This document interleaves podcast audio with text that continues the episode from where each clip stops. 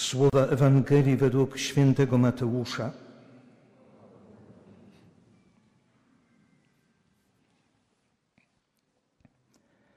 Gdy Jezus narodził się w Betlejem w Judei za panowania króla Heroda, oto mędrcy ze wschodu przybyli do Jerozolimy i pytali, gdzie jest nowonarodzony król żydowski. Ujrzeliśmy bowiem jego gwiazdę na wschodzie i przybyliśmy oddać mu pokłon. Skoro to usłyszał król Herod, przeraził się, a z nim cała Jerozolima.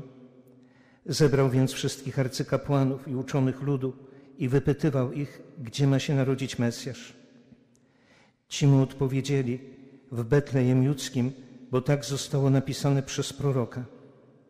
A ty, Betlejem, ziemiu Judy, nie jesteś zgoła najlichsza spośród głównych miast Judy, albowiem z ciebie wyjdzie władca, który będzie pasterzem ludu mego Izraela. Wtedy Herod przywołał potajemnie mędrców i wywiedział się od nich dokładnie o czas ukazania się gwiazdy. A kierując ich do Betlejem, rzekł: Udajcie się tam i wypytajcie starannie o dziecię, a gdy je znajdziecie, donieście mi, abym i ja mógł pójść i oddać mu pokłon. Oni zaś, wysłuchawszy króla, ruszyli w drogę.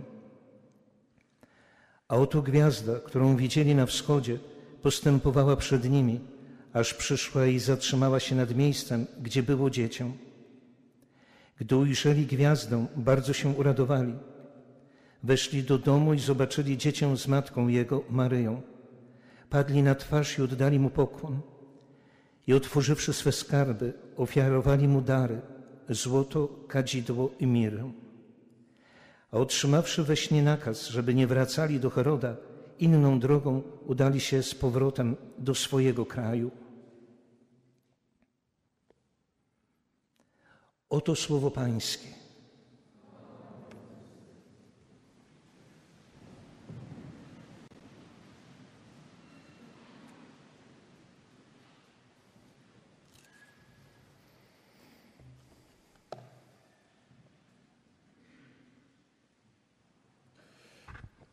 O, król Herod to jest y, y, taka postać chyba obok Annasza, Kajfasza, y, Piłata i Judasza, która należy do tej galerii czarnych postaci Ewangelii. Niekoniecznie pewnie byśmy po, po Ewangelii chcieli się z nimi spotykać. Moje zdziwienie było ogromne, kiedy przy jakiejś okazji pielgrzymki do Ziemi Świętej okazało się, że Herod, którego tak szczerze ewangelista nie znosi i pokazuje w czarnym świetle, w historii Izraela zapisał się jako ogromny wizjoner, niezwykły wizjoner.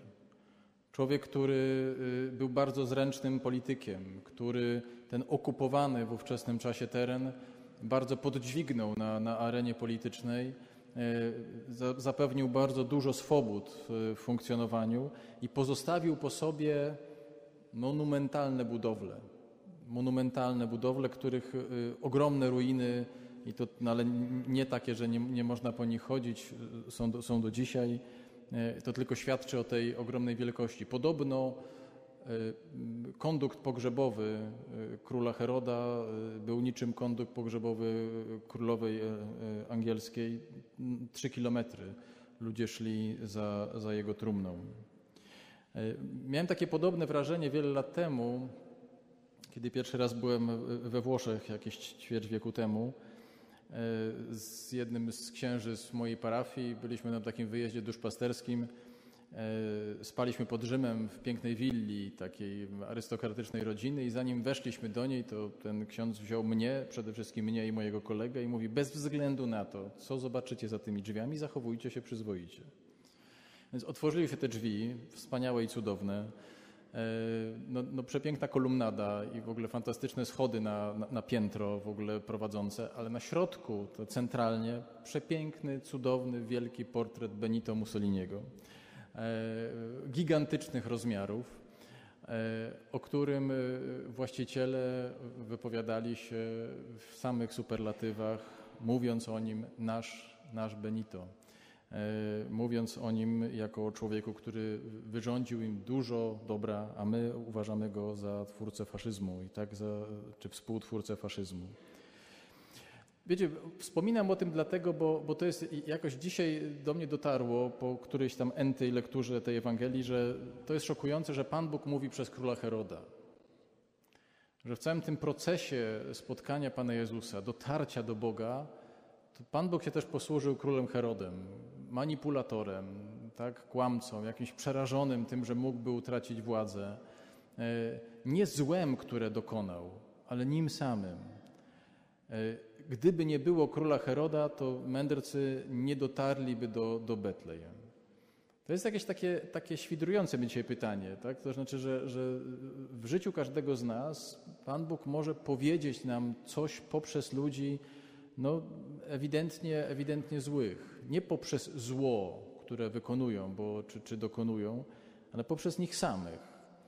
E, ludzi, których, których naprawdę uważamy za, za, za wcielenie jakiegoś zła, a jednocześnie no, Pan Bóg ma taką moc. W ogóle to jest interesujące, kiedy się przyjrzymy tej komunikacji Pana Boga z bohaterami tej dzisiejszej, dzisiejszej sceny, że On na, na różne sposoby próbuje do nich dotrzeć.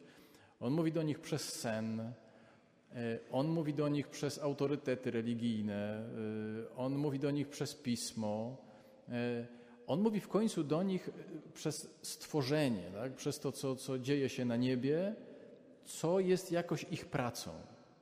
Tak?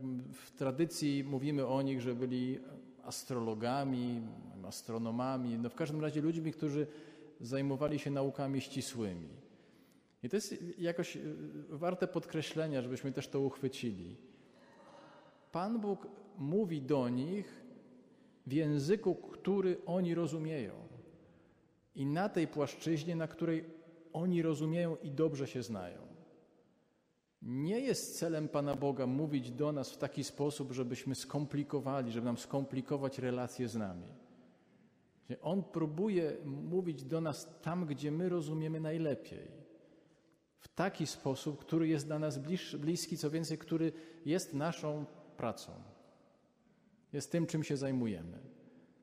Z dużym prawdopodobieństwem moglibyśmy to rozszerzyć, powiedzieć, że, że, że ci z nas, którzy zajmują się, nie wiem, śpiewem, e, tańcem, filmem, nie wiem, komputerami, medycyną, prawem, czymkolwiek jeszcze, są nauczycielami itd., tak itd., tak to na tej drodze spotkają Pana Boga. To tam Pan Bóg im się, im się pokaże. Nie właśnie nie inaczej, nie przez e, jakąś taką niezwykłość, nie przez cudowność, nie przez zjawiska nadprzyrodzone. Właśnie nie, właśnie zupełnie nie w tą stronę. Bóg bardzo chce, żeby, żebyśmy rozumieli, jak On do nas mówi.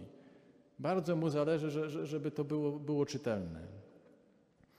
I jednocześnie każdy z tych sposobów, tak, tak sobie pomyślałem, on jest obciążony jakimś takim, takim ryzykiem. Każda z tych dróg, których Pan Bóg mówi do, do bohaterów dzisiejszej Ewangelii, ona ma w sobie jakąś niewiadomą, ma w sobie jakąś niepewność e, i, i zakłada e, jakieś proste zaufanie, może wcale nie proste, ale zaufanie w to, że, żeby pójść tą drogą. To jest niesamowite, jeżeli myślimy o tym, jak dzisiaj moglibyśmy się z nimi spotkać, z bohaterami tej Ewangelii, no to przez zaufanie przez zaufanie y, w różne sposoby komunikacji z Panem Bogiem. Tak sobie pomyślałem, że, że praktycznie to, to trochę jest tak, że, że dzisiaj w polskim kościele, nie tylko w polskim kościele, y, jest taka skaza i, i, i dotyka nas taka, taka, takie myślenie, że bardzo byśmy chcieli, żeby Pan Bóg powiedział do nas pewnie.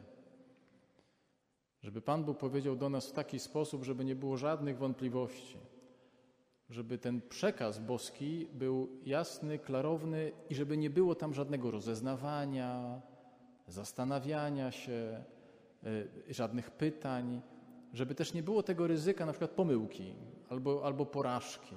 Mo możemy też pójść taką drogą, że, że to do niczego nie doprowadzi, nie? że będziemy musieli się cofnąć. To, to bardzo dobrze widać na, na przykładzie y, reakcji na papieża Franciszka tak, który, który nie zmienił w żaden sposób doktryny Kościoła. Nie, nie ma żadnej, żadnej zmiany doktryny. Natomiast próbuje wybić nas z takich e, przyzwyczajeń i ram myślenia, które mamy, no i w efekcie no to, to, to są jakieś histeryczne reakcje. że to nie jest prawdziwy papier, że trzeba go przeczekać, że to w ogóle nie tak, że w ogóle no, no, i tak dalej, i tak dalej. Jakby nie widzimy tego, tego, tej, tej myśli papieskiej, która, która próbuje właśnie pokazać nam, że, że, że zasklepienie się w tych, tych ramach, no to jest po prostu naszym końcem. Naszym końcem jako, jako, jako wierzących, żeby tylko nic, nic nie zmieniać. Druga rzecz, która tak praktycznie mi się y, też tak, tak kojarzy z, tym, z, z tymi bohaterami dzisiejszymi, to, to jest podejście do, nasze podejście do Pisma Świętego i, i, i podejście do, do rozumu. Zobaczcie, ja często to słyszę, nie wiem, to mi się zdarza, że, że ktoś mówi, że y, no jeżeli czegoś nie ma w Piśmie Świętym, no to, no to, to, no to w ogóle nie, nie ma w ogóle o czym tym mówić, albo w ogóle to, to nie powinno istnieć w naszej, w naszej dyskusji. I to jest ciekawe, ponieważ my nie jesteśmy wyznawcami księgi. My jako chrześcijanie nie, nie jesteśmy wyznawcami księgi, w przeciwieństwie do, do, do chociażby do, do, nie wiem, wyznawców islamu, dla których to, co zostało napisane w Koranie, jeden do jeden, to jest na wieki wieków amen. Tam nic się nie zmienia, tam musi tak być. My nie jesteśmy wyznawcami księgi. Jest, właśnie jesteśmy y, y, zaproszeni do tego, żeby w czytaniu Pisma Świętego używać rozumu. Mnóstwo rzeczy w Piśmie Świętym nie ma i mnóstwo rzeczy w Piśmie Świętych się zmieniło. Podejście do dzieci, do kobiet, do niewolnictwa.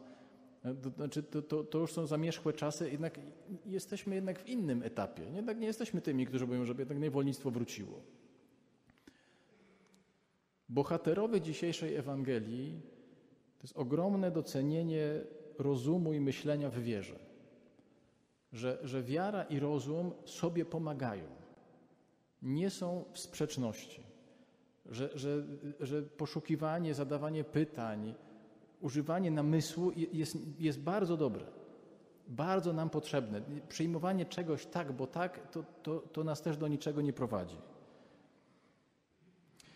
No i w końcu y, chyba taka też rzecz, która jest taka y, najbardziej taka trudna chyba do, do, do przyjęcia, to jest y, kwestia samego objawienia Pana Boga w miejscu i wobec ludzi, którzy, którzy są niewierzący. Nie wiem, jak się czuli odbiorcy tej Ewangelii. Mateusz pisał do, do pobożnych Żydów, do, do, do środowiska żydowskiego. Nie wiem, jak się czuli, czytając historię, w której Pan Bóg no, mówi do ludzi, którzy nie wierzą w Boga, którzy nie są z naszej bajki, którzy być może nawet, no, nie wiem, nie podzielają wszystkich wartości, które, które my wyznajemy. Nie? To, to, to, to trochę w takim kluczu, jakbyśmy dzisiaj mówili, że, że no, Kościół nie jest właścicielem Pana Boga. Kościół nie ma Pana Boga na własność. Pan Bóg nie jest zakładnikiem Kościoła. Nie? Jakby uczciwie trzeba sobie zadawać takie pytanie po lekturze tej Ewangelii. Czy my dopuszczamy taką możliwość, że w ogóle Pan Bóg mówi do ludzi, którzy są agnostykami, do ludzi, którzy nawet może są ateistami, że nawet może się nimi posługiwać, a już nie mówię o, o innych denominacjach chrześcijańskich. Czasem zdarza mi się udzielać takiego ślubu, gdzie, gdzie właśnie jedna strona to, to jest ktoś właśnie, kto jest katolikiem, a, a, a druga strona na przykład należy do, do, do kościoła protestanckiego. To są bardzo unikatowe sytuacje, wydaje mi się bardzo takie poruszająco, takie też takie duszpastersko i życiowo. Łączy nas chrzest, łączy nas, łączy nas Pan Jezus, a jednocześnie mamy różne doświadczenia, którym możemy się dzielić. Ta Ewangelia stawia takie pytanie, tak? to znaczy, czy, że, że, że dobro i, i coś o Panu Bogu możemy się dowiedzieć nie tylko tu w Kościele katolickim, możemy się dowiedzieć właśnie zupełnie w innych miejscach. Ta Ewangelia jest podstawą do takiego bardzo świadomego używania chociażby kultury, używania i, i korzystania z tego, co kultura daje. Że Pan Bóg też może wykorzystywać takie środki, żeby do nas dotrzeć. Bo jeżeli no, chcemy w tej wierze się rozwijać, jak wierzę głęboko, ja bardzo chcę i, i, i ja nieustająco czuję, że, że ta droga za Panem Bogiem to, to ciągle jakoś jest przede mną. Ja jakoś nią idę, ale ciągle się tam rozwijam. no to to jest ciągłe tak naprawdę wychodzenie z jakiegoś bezpiecznego świata, takiego, który już sobie zbudujemy, że jest to dobrze, że to... i ten moment, kiedy to przekraczamy. Bo im dłużej jesteśmy w takiej właśnie duchowo zamkniętej bańce, no to zupełnie nieświadomie stajemy się no, wyznawcami króla Heroda. Brzmi dosyć ostro, ale trochę tak. Znaczy człowieka, który no, bardzo był pobożny, ale, mówi, ale lepiej nic nie zmieniać. Jak zaczniemy zmieniać, to nie wiadomo, gdzie nas to doprowadzi. No i na przeciwległym biegunie są właśnie mędrcy. Ich zaufanie, ich odwaga. Tego sobie życzmy.